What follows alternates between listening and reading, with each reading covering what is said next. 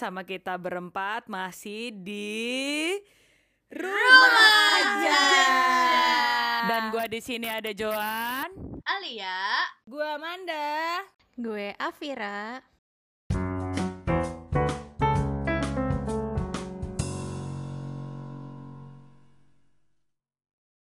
Kali ini kita akan lanjutin cerita gua yang udah tertunda minggu lalu itu. Apakah kalian masih ingat?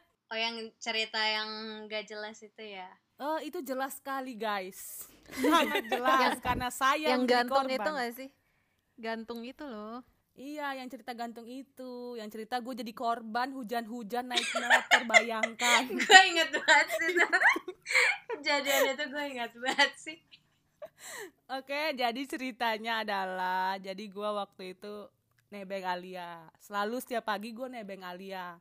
Jadi gue nebeng sama Alia itu saat itu hari hujan. Itu hujannya beneran deras, deras banget. Suatu ketika adalah di di Bintaro gitu sektor satu itu eh, jalanannya tuh luas banget. nggak tahu kenapa nih kita luas? naik mobil.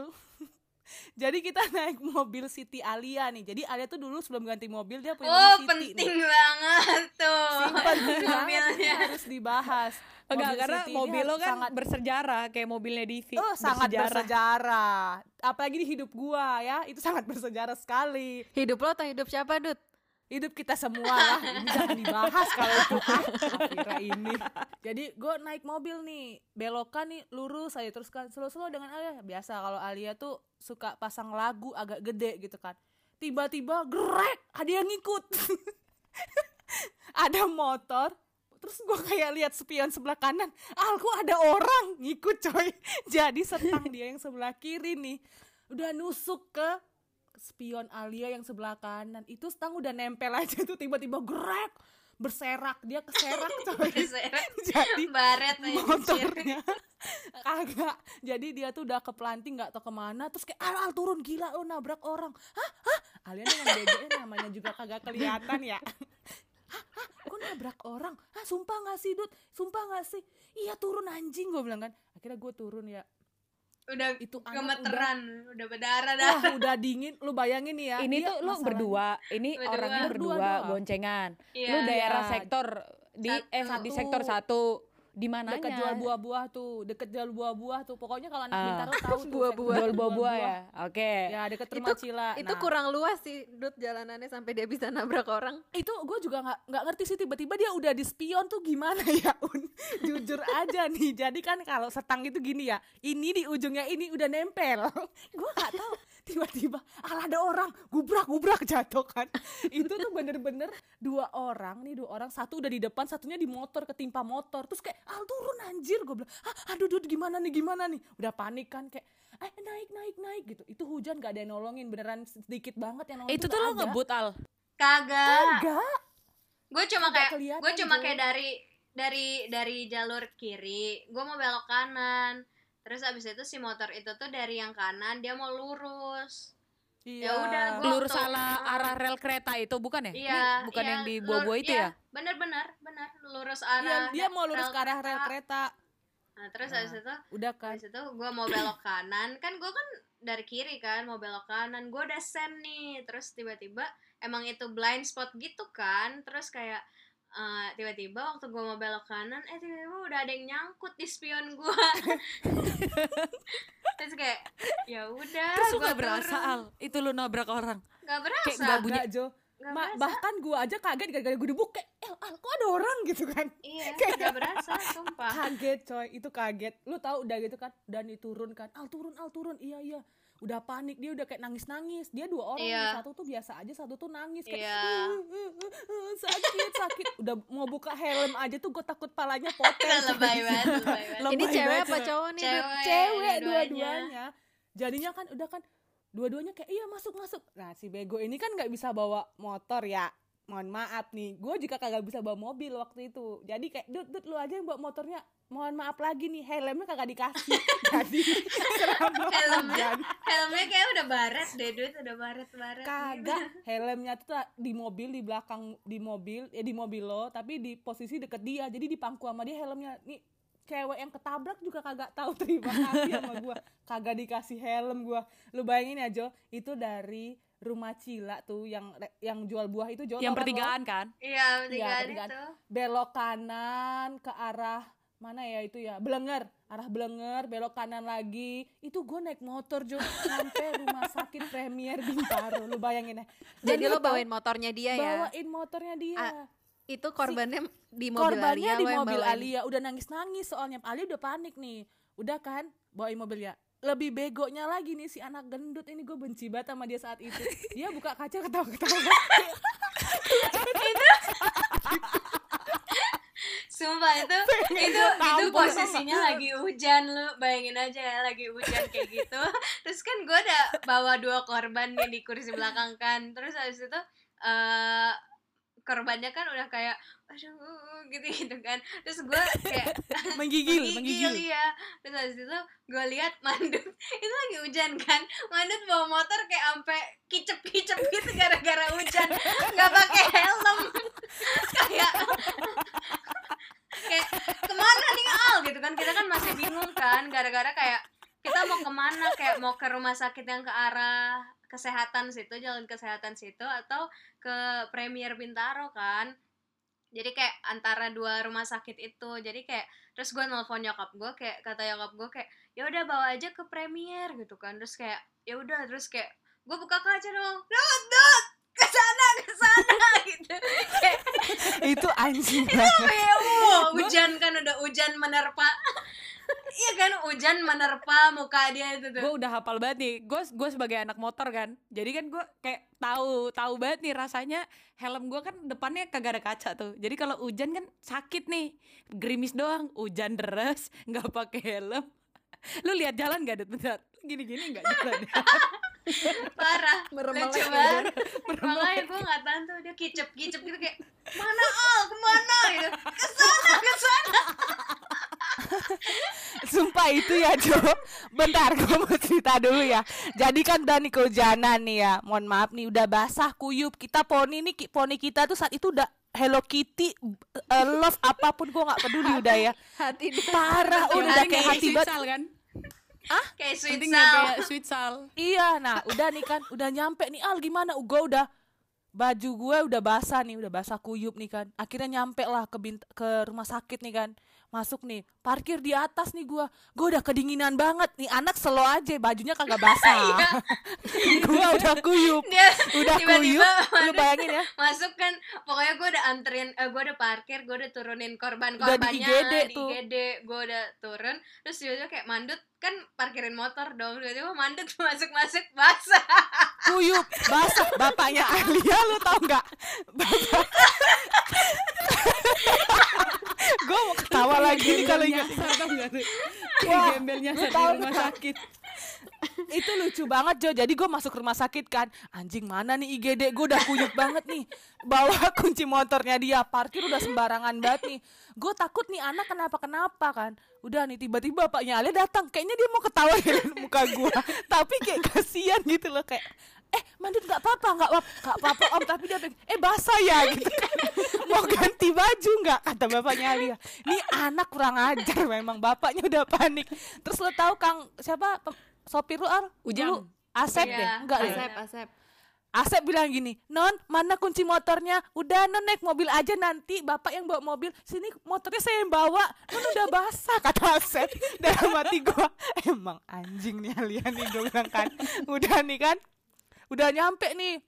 Dan lo tahu pas di dalam tuh ditanya nih kerjaan nih si korban ini apa. Ternyata dia cleaning service ya. iya Al. cleaning service diganci Iya, cleaning service diganti. Gue udah kayak Amalia tuh udah kayak oh, udah Alfix ini di akhirnya diantarin Alia bapaknya Alia ke rumahnya dia jadi sudah di Bintarnya udah periksa ternyata nggak apa-apa cuman ter, apa kaget atau apa gitu akhirnya diantarin bapaknya Alia ke rumahnya. Gue udah bilang sama Alia Alfix nih habis diantarin ke rumah besok lu pembantu baru. Iya tadinya tadinya udah udah mau diituin udah mau jadi kayak mandut kurang ajar banget kayak udah nih kayak ART kayaknya, rumah lo ya? udah kayak nih abis ini dibawa ke rumah lo jadi mbak lo terus gue juga udah mikir kan gue udah panik nih emang ini mbaknya gue udah takut giginya kenapa-napa gitu kan. Ternyata cuma cuma baret-baret doang tapi kayak lumayan iya lebay nggak gitu kenapa sih. kenapa Iya. Ab- abis itu udah kan kayak al udah fix nih pembantu baru nih udah nih kita ke kampus lebih kagetnya lagi di kampus semua orang lo ngapain kok bisa kecelakaan heboh banget heboh banget Lebay coy. Soalnya ada yang bocorin, ada yang bocorin Alia kecelakaan. abis itu udah kan pokoknya habis kecelakaan itu kita mau pergi tuh al gue nggak tahu deh Iya, kalau kita nggak salah ke nonton, pim kita nonton apa ke nonton. pim gue masuk nonton. angin Kita nonton habis itu pulang kampus. Kita kagak nonton. karaoke dulu nggak sih? Nonton. Gue inget banget nonton. Lu di bioskop lu mual. iya. Pokoknya pokoknya gue abis kecelakaan itu rame eh, pulangnya malam deh pokoknya. Lo bayangin ya itu baju gue nggak ganti nih. Ada tuh udah kayak nggak usah ganti baju lah kita mau kelas siapa gitu. Ternyata kita nyampe juga kelas udah kelar gitu kan. Jadi nggak ganti baju. Terus habis itu gue mual coy masuk kamar mandi kayak "Uh, uh." Ini tuh siang-siang ya? Pagi. Pagi. Pagi, John. Ini baru mau kuliah Pagi ya? OTW kampus. baru mau kuliah Oh, pagi-pagi alah. Di bayangan gue tuh malam tau gak lu? kagak Jadi lu bahasa-bahasa kuyup gitu tuh kuliah, Dut? iya kuliah itu tuh kalau salah pagi Bintaro ke kelasnya Grogol. dari Bintaro ke Grogol itu kayaknya Bego kelasnya kan? ini deh Pak Ucen deh kalau nggak salah gue lupa deh pokoknya di kampus B tuh Anjir kelasnya gak mungkin coy kita seniat itu ke Nggak kampus mungkin. cuma Pak Ucan doang. pokoknya ada Enggak, sesuatu deh kuliah yang enggak. wajib gitu Itu dosen yang rada-rada serius gitulah pokoknya. tapi habis itu keluar keluar mereka lihat kita poni gue udah Hello Kitty apalah lope lope gue udah diketawa-ketawain dia nggak tahu akhirnya ketahuan kan masuk angin udah Kocak sih. Dia sampai dia sampai mual tuh kocak sih. Dedikasi dia tuh sama sama korban-korban itu. parah sih itu parah Alia tuh udah sudah kayak udah kan bapaknya kayak pas dari rumah sakit tuh gue udah di dalam mobil tuh udah kayak anjing lo al anjing lo Alia tuh poni lo baju lo basah ketawa-ketawa mulu anjing Tapi kocak sih ya, seru sih. Ada pengalamannya gitu kayak lucu kayak gue pertama kali masuk IGD tuh zaman itu deh kayaknya kayak bener-bener kayak urgent banget tuh kayak waktu itu deh. Gue bener-bener panik kayak waktu masuk IGD kan harus isi form gitu kan. Gue bener-bener kayak ini isinya apa? gitu kan kayak anda siapa? gitu yang ditanya kan siapa yang bertanggung jawab? gitu-gitu kan. Untung bapak gue datang tuh. Kalau enggak gue nggak bisa tuh kayaknya isi-isi form gituan Sekalinya ke IGD nganterin orang apa kecelakaan kan. Jadi kayak deg-degan banget sih. Tapi nggak usah nggak usah diulangin lagi sih kayak gitu kayak ya udahlah. Itu cukup sekali aja deh masuk IGD deg-degan coy. iya berarti next itu nggak boleh lu kalau nyetir lihat-lihat biar lo nggak masuk IGD apalagi tuh lagi covid covid gini tuh lebih wah gue udah nggak tahu sih. Ah gue kayak bingung gitu loh kenapa sih lu harus ke IGD gitu? Kayak sekarang tuh mendingan lu nggak usah ke rumah sakit aja deh meskipun lo kenapa-napa gitu kan kayak ya kalau nggak lo kalau lo nggak parah banget nggak usah ke rumah sakit ya nggak sih betul Tapi masih bingung juga gak sih kayak kalau lo sakit itu tuh sakit apa gitu yang mesti lo harus sampai ke rumah sakit, yang masih bisa lo di rumah aja kayak gitu-gitu kan sebenarnya masih agak bingung ya. Iya sih. gue punya teman dia kayak dia jaga IGD sih kita mau hubungin dia aja nggak Boleh, boleh sekalian nanya-nanya. Biar lebih Hmm. jelas ya infonya ya. ya kita tanya-tanya sekalian apalagi di musim-musim pandemi seperti ini kita hubungin dulu ya temanku Oke. Halo. Hai. Hai, di sini udah ada teman gua, Dr. Rachel. Eh, ntar, ntar lu Halo. kenalin diri lu sendiri deh. Oh, Oke, halo. Nama selamat malam. Nama saya Dr. Rachel. Saat ini saya bekerja sebagai eh, dokter IGD di Rumah Sakit Yadika Kebayoran Lama, Jakarta Selatan. Terus gimana tuh penerimaan pasien di IGD? Soalnya pengalaman gua terakhir ke IGD tuh pengalaman pas sebelum ada corona. Terus itu waktu pertama kali gua ke IGD itu aja gua udah deg-degan. Terus sekarang gimana tuh waktu pas corona? Kan corona itu mulai awal-awal Februari ya? Pas di Indonesia maksudnya. Kayaknya deh. Atau Nah. enggak pertengahan Maret gitu nggak sih? Mm-mm. Awal Nah Maret. itu, ya, ya betul awal Maret. Nah kita tuh baru mulai pada aware sejak yang eh, kasus pertama di Rumah Sakit Sulianti Saroso Kemudian tiba-tiba kasusnya melonjak langsung jadi 20-an. Dari situ langsung deh tuh uh, kita semua serba super uh, aware dan hati-hati terutama dalam pemakaian alat pelindung diri. Itu awalnya tidak merubah keramaian IGD sampai awal bulan puasa. Itu pasien yang datang ke rumah sakit bukannya berkurang malah bertambah.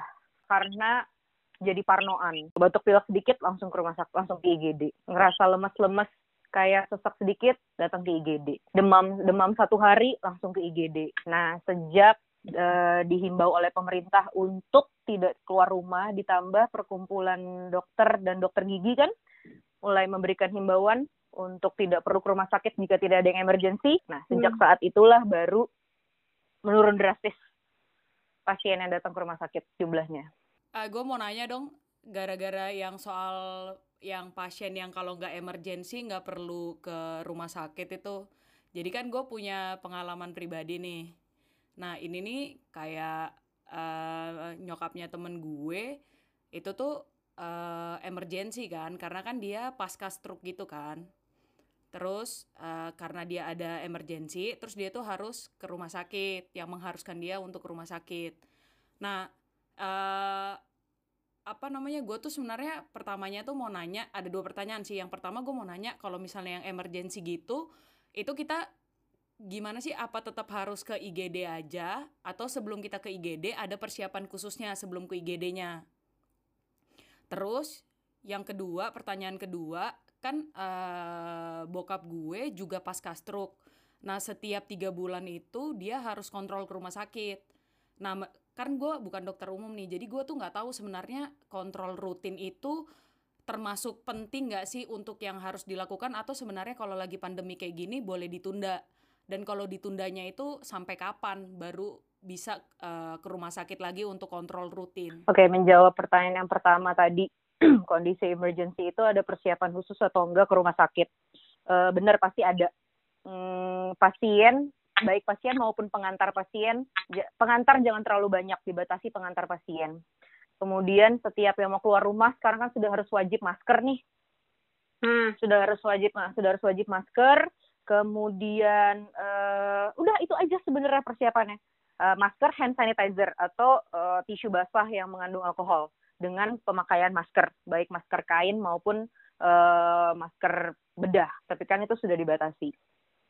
Uh, itu aja. Dan kalau memang betul kondisi emergency, kondisi emergency itu boleh melewati pintu IGD atau pintu UGD. Di situ kan dokter-dokter dan perawat-perawat yang jaga bisa melihat tuh apakah itu benar emergency atau tidak.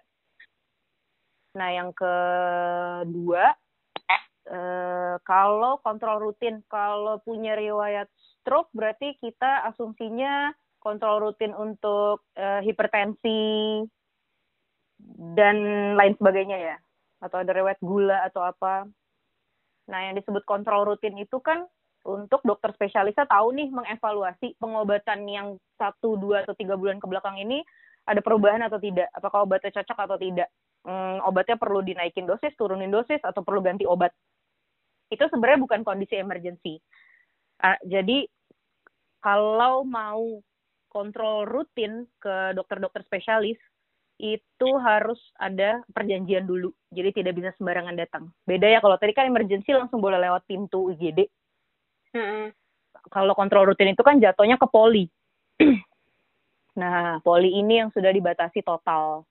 Harus benar-benar lewat telepon. Lewat telepon itulah disaring nanti bener nggak ini pasien boleh kontrol rutin sekarang apakah perlu atau boleh uh, tebus obat yang biasa dipakai jadi itu ya, nyokapnya teman gue tuh ternyata habis emergency emergency terus itu harus dirawat di rumah sakitnya itu nah ja, uh, itu tuh tetap kan tadi lo bilang kayak pakai masker hand sanitizer yang gitu-gitu tapi kan uh, alat kayak masker, masker kain pun kan sebenarnya dia tuh harus dicuci kan. Gak mungkin lo selama dalam seminggu perawatan lo seminggu itu nggak pernah dicuci. Jadi gue cuma kayak pengen tahu aja uh, itu masker itu sebenarnya kalau misalnya mau dicuci itu dia ada range waktu pemakaiannya apa enggak kayak gitu atau sehari besoknya dicuci atau setiap berapa lama diganti terus setiap di rumah sakit itu temen gue sebenarnya butuh mandi nggak sih atau butuh bersih bersih apa yang kayak gitu karena kan dia selama satu minggu tinggalnya di rumah sakit karena jagain nyokapnya kan yang emergency kayak gitu Eh kalau masker kain ya, saya sendiri kan juga pakai masker kain nih. Kalau misalnya masker bedah tuh gue cuma pakai kalau di rumah sakit doang. Jadi gue udah ikutin pemerintah nih kalau masker kain. Nah masker kain itu setiap gue habis keluar rumah sampai rumah gue pasti langsung cuci dengan sabun detol gitu. Dan kenapa harus langsung dicuci? Ya untuk langsung setiap partikel-partikel debu yang kesaring sama si masker kain langsung kita cuci. Permasalahannya, masker kain itu kan dia cuman bisa menyaring partikel uh, debu dan beberapa jenis kuman atau atau droplet aja. Bahkan ada masker kain yang droplet tuh dia nggak bisa uh, dia dia tembus droplet tuh tembus. Jadi kalau pertanyaannya kapan harus dicuci, jawaban saya setiap habis keluar rumah dan balik dicuci. Nah, penunggu pasien kan sekarang ketat tuh kalau ibunya dirawat di rumah sakit satu minggu. Setahu saya itu untuk tuker-tukeran jaga tuh ketat banget sama rumah sakit. Jadi gue juga nggak heran kalau ngedengernya ada yang sampai satu minggu full di situ hanya satu orang yang jaga gitu. Nah itu dia berarti uh, setiap keluar dari rumah sakit mau tuker jaga atau ganti shift dengan keluarga yang lain, ya dia harus mandi dulu di rumah sakit itu dan pulang ke rumah dia mandi lagi baru ganti baju yang bersih. Tapi kan it, ini tuh yang mandi dua kali itu sebenarnya berlaku buat petugas medis. Nah kalau misalnya penunggu pasien sampai rumah langsung mandi, baju langsung direndam di ember sendiri terpisah pun itu juga nggak apa-apa. Hel, gue mau nanya, uh, buat orang-orang yang sakit kondisi kayak apa yang mengharuskan supaya dia ke rumah sakit? Maksudnya kayak uh, apa gua sakit kaki boleh ke rumah sakit? Atau gua sakit kutil ke rumah sakit? Apa kayak gimana gitu loh nomor satu ya yang dihimbau sekarang untuk keluar rumah dan ke rumah sakit adalah kondisi emergency Nah, kondisi emergency itu apa? Ya, artinya kondisi yang bahaya, yang jika tidak ditangani artinya mengancam nyawa, mengancam keselamatan seseorang. Nah, apa aja sih itu kondisi-kondisi emergency? Kondisi emergency nomor satu yang paling sering dan kita paling tahu tuh udah pasti uh, kesulitan bernapas ya atau sesak. Kalau di jantung misalnya serangan jantung atau gagal jantung atau henti jantung. Uh, sebelahnya jant uh, yang pair sama jantung paru-paru. Misalnya nih serangan asma pneumonia pneumotoraks terus ada riwayat uh, penyakit paru obstruktif. Nah kayak tadi uh, Joan sempat nyebut stroke ya. Misalnya nih dari kepala atau dari otak itu biasanya paling sering apa sih? Penurunan kesadaran hmm, uh, penurunan kesadaran entah dia ada serangan stroke atau ada peningkatan tekanan intrakranial atau peningkatan tekanan di kepala hmm, atau ada riwayat gula. Biasanya orang riwayat gula juga bisa penurunan kesadaran. Entah dia gulanya hiper atau hipoglikemi. Uh, kondisi emergensi berikutnya apa nih? Misalnya keracunan, keracunan makanan, keracunan hmm, obat keracunan atau keracunan juga. atau keracunan uh, ini bahan sanitasi karena dia kebanyakan tertelan. Jadi oh, saya jadi kebanyakan jaga, tertelan. Gue iya, jadi gue udah udah selama jaga IGD udah beberapa kali ini terima pasien karena dia keracunan dia sendiri yang bikin entah terhirup terlalu banyak atau nempel ke tangannya terus dia nggak cuci tangan oh. dia kerac dia keracunan yes dia keracunan alkohol alkohol atau H2O2 gitu-gitu Nih terus selain keracunan ada lagi nih trauma. Tadi kan juga Joan sebut tuh kecelakaan ya. Nah trauma tuh juga uh, jadi kondisi emergency.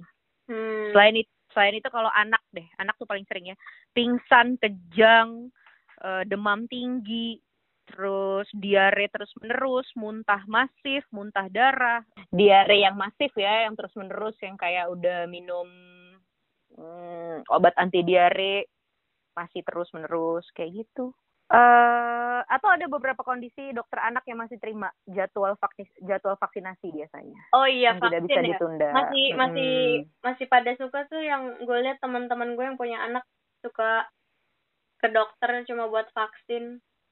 Ya, betul. Bawa anak-anak gitu bukannya lebih serem ya hal ya ke rumah sakit. Nah, itu setelah wawancara ketat dulu tuh Al biasanya ditelepon. Oh gitu. Mm-mm, dokter anaknya juga diketat banget mau terima atau enggak. Dok- Dokter-dokternya semua pakai APD. Nanti si anak orang tua juga kalau tanpa janji ke poli tidak boleh masuk rumah sakit. Eh gue mau nanya dong Hel Hai Hel Jadi kan kalau misalnya gejala covid itu kan sebenarnya mirip-mirip kayak batuk Batuk-batuk biasa gitu ya Ini kan pasti sekarang gak mungkin banget nih gak ada yang batuk atau pilek kayak gitu kan Sebenarnya kalau misalnya ada orang nih yang ngerasain gejala mirip-mirip kayak covid gitu Baiknya tuh harus langsung ke rumah sakit atau misalkan harus di rumah dulu observasi sendiri atau kayak gimana sih kalau lagi dalam keadaan kayak gini Hel? ah, ini bagus juga nih pertanyaannya nih. Jadi gejala corona ini kan agak-agak kayak dia flu-like syndrome banget, ya kan? Bener-bener mirip kayak flu kan. Jadi dia tuh kayak WHO tuh biar biar gampang dia tuh ngebagi gejala yang paling sering, gejala yang tidak terlalu sering, sama gejala yang serius. Nah tadi kalau misalnya batuk pilek nih, ditambah demam, terus badan-badan mulai nyeri-nyeri, terus ada sakit tenggorokan, diare, ada konjungtivitis, sakit kepala, yang sudah minum obat-obatan simptomatis, misalnya eh, antipiretik, eh, obat obat-obat antihistamin gitu-gitu, udah tiga hari nggak sembuh, nah itulah harinya harus ke rumah sakit. Nah, tapi kalau udah mulai sakit kayak gitu di rumah, si orang yang sakit ini harus bermasker ya dan men- men- dan membatasi eh, fis- apa jarak physical distancing sama anggota keluarga yang lain. Suruh di kamar sendiri, suruh makan di pojokan di lantai. Terus suka suka duka lo jadi dokter di IGD di salah satu rumah sakit yang walaupun nggak rujukan tapi Mm-mm. tetap rame. Eh pasien COVID-nya gimana sih di rumah sakit lo? Pasien COVID, karena rumah sakit gue sebenarnya tipe C, tapi kan pemerintah minta bantuan untuk semua tuh bisa merawat ya. Hmm. Ruang isolasinya sih dikit, dan yang dirawat di ruang isolasi cuman yang benar-benar PDP atau yang udah positif dengan ada eh, gejala yang mem- mem- memperberat gitu. Misalnya dia lemes banget, terus geriatri, ada diare gitu-gitu. Nah itu biasanya di swab, abis di swab mereka ada yang boleh pulang, Oh, jadi isolasi sendiri di rumah. habis itu kalau hasilnya udah ketahuan baru dijemput ya? Kalau positif Ya. gitu ya. Iya, dan kalaupun positif kita eh, dari hari pertama kan udah cek nih, eh, pokoknya darah, ronsen, eh, rapid tetap habis rapid baru swab gitu-gitu tuh tetap semua. Kalau dia positif tapi yang tidak ada gejala yang gimana-gimana, ya dia bisa isolasi sendiri al di rumah. Suka duka lo sekarang kerja di rumah sakit kayak gitu gimana Hel? Duka awalnya itu banyak pasien yang ngebohong al. Itu dukanya tuh. Pasien datang cuma ngomong, dok saya lemes mau diinfus vitamin dong. Oh iya pak, boleh. Tapi tetap harus periksa darah, ronsen gitu-gitu. Totonya hasil darahnya jelek, ronsennya udah ronsen khas banget pneumonia COVID, di swab, terus bener positif. Bersyukurnya sih gue waktu itu APD lengkap, tapi kan tetap aja kayak kesel. Yang sampai kalau nganamnesis pasien akhirnya jadi agak kasar gitu jatuhnya. Kalau batuk bilang pak batuk, jangan ngebohong kayak gitu. Sukanya ya itu sih jadi makin banyak belajar kasus-kasus paru baru, kasus-kasus emergency baru. Nambah pengalaman lah berarti. Oke, terakhir nih Hel, pesan-pesan untuk para pendengar semuanya. Pesan-pesannya eh, Bapak Ibu yang saya hormati, jika memang keadaannya tidak emergency, jangan pergi ke rumah sakit. Eh, keadaan emergency selain yang tadi udah gue sebutin itu, bisa juga dicek di sosial media atau googling sendiri apa itu keadaan emergency. Jika harus pun ke rumah sakit, jika ditanya oleh petugas medis, jangan pernah berbohong. Karena itu akan merugikan diri sendiri dan banyak orang jaga kesehatan selalu, pakai masker, perilaku hidup sehat, jangan pernah sentuh-sentuh muka, kucek-kucek mata kalau belum cuci tangan. Makan makanan yang bergizi, fit, multivitamin. Thank you, you Hel. Semoga Thank you, Alia. Sehat, Terima sehat. kasih telah melayani Sehat, masyarakat sehat-sehat Indonesia. Teman-teman sejawatku. Semangat. Rahel. Dadah. Oke. itu dia pesan-pesan yang kita dapatkan dari seorang dokter yang bekerja di salah satu rumah sakit, terutama di bagian IGD-nya ya guys. Jadi kalian benar-benar harus mempelajari apa aja penyakit-penyakit yang emergency. Bener, gue setuju tuh. Jangan beranggapan karena lo bukan dokter, lo bukan bagian bidang kesehatan atau apa pun itu, terus lo cuma orang biasa aja yang kerja kantoran, terus lo tidak memikirkan kesehatan atau penyakit-penyakit yang emergency ini. Kan itu juga penting apalagi di saat-saat yang sekarang. Iya, kalau gue sih tadi kan udah dijelasin tuh secara bidang kedokterannya. Lu sebagai masyarakat yang berakhlak tuh punya otak dipakai stay at home gak usah ke mall gak usah beli baju lebaran. Ada namanya online shopping beli online. Jangan kau ke pasar. Nanti makin banyak makin pening pala dokter itu. Iya, kita harus ngehargain juga kan usahanya mereka, nggak pulang ke rumah berbulan-bulan untuk nyembuhin pasien. Kita kan tugasnya gampang banget nih sebenarnya, cuma tinggal di rumah aja itu tuh sesimpel itu. Mungkin mungkin kita ngomong simpel untuk kita yang nggak perlu cari uang sih sebenarnya, cuman kalau misalnya nggak penting-penting banget, tolong di rumah aja. Karena kasihan juga dokter-dokter itu udah mereka pun pengen pulang, mereka pun pengen istirahat di rumah, tapi ya kalau mereka pulang nanti gak ada lagi tuh yang nyembuhin kalian tuh kalau sakit. Makanya kita harus sama-sama menghargai satu sama lain. Ya enggak Setuju Iya, sih betul. Terus harus jujur sih yang paling penting tuh jujur Nah, iya tuh. Jangan bohong lu Jujur Un, lu kebe- kebiasaan nih bohong nih. Tuh, lo Dut, jujur. jangan kali ya bohong mulu